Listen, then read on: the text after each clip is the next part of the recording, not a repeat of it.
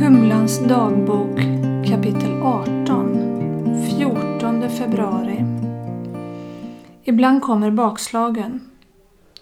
Kära dagbok.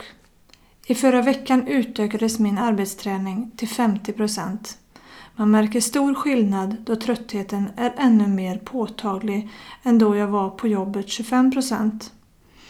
Vissa dagar går bättre än andra.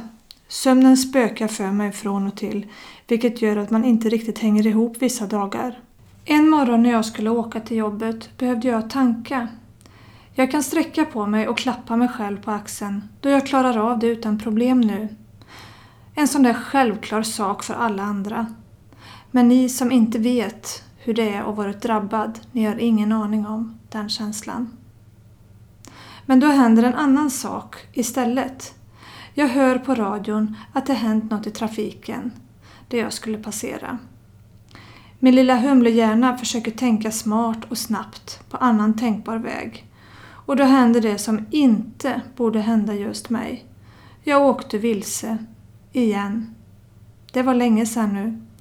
Och det kändes verkligen som en käftsmäll, bakslag och allt på en gång.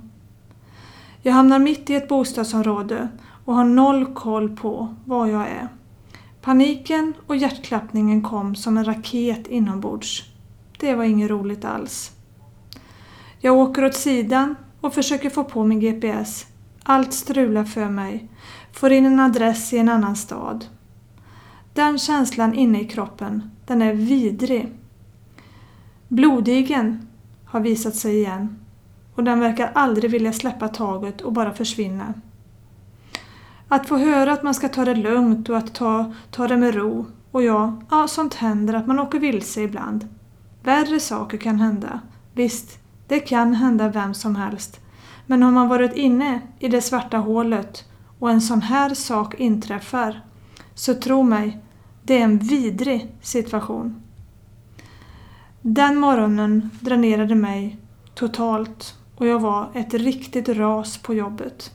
När jag kom hem från jobbet så var det dags för mig att surra iväg till min medieyoga och samla på mig lite ny kraft och energi. Det behövde jag verkligen då även denna dag har varit i trötthetens tecken. Tips för att varva ner efter en tung dag. Ta en promenad. Vår hjärna kan tänka och bearbeta händelser bättre när vi är i rörelse. Rörelse låser upp hjärnan. Lukta på någonting som doftar riktigt gott. Goda dofter frigör hormoner i kroppen som gör att stress och oro minskar. Ta en dusch eller ett bad. Att tvätta sig kan ge känslan av att vi tvättar bort den tunga dagen vi har haft. Det hjälper vår hjärna att varva ner och byta fokus.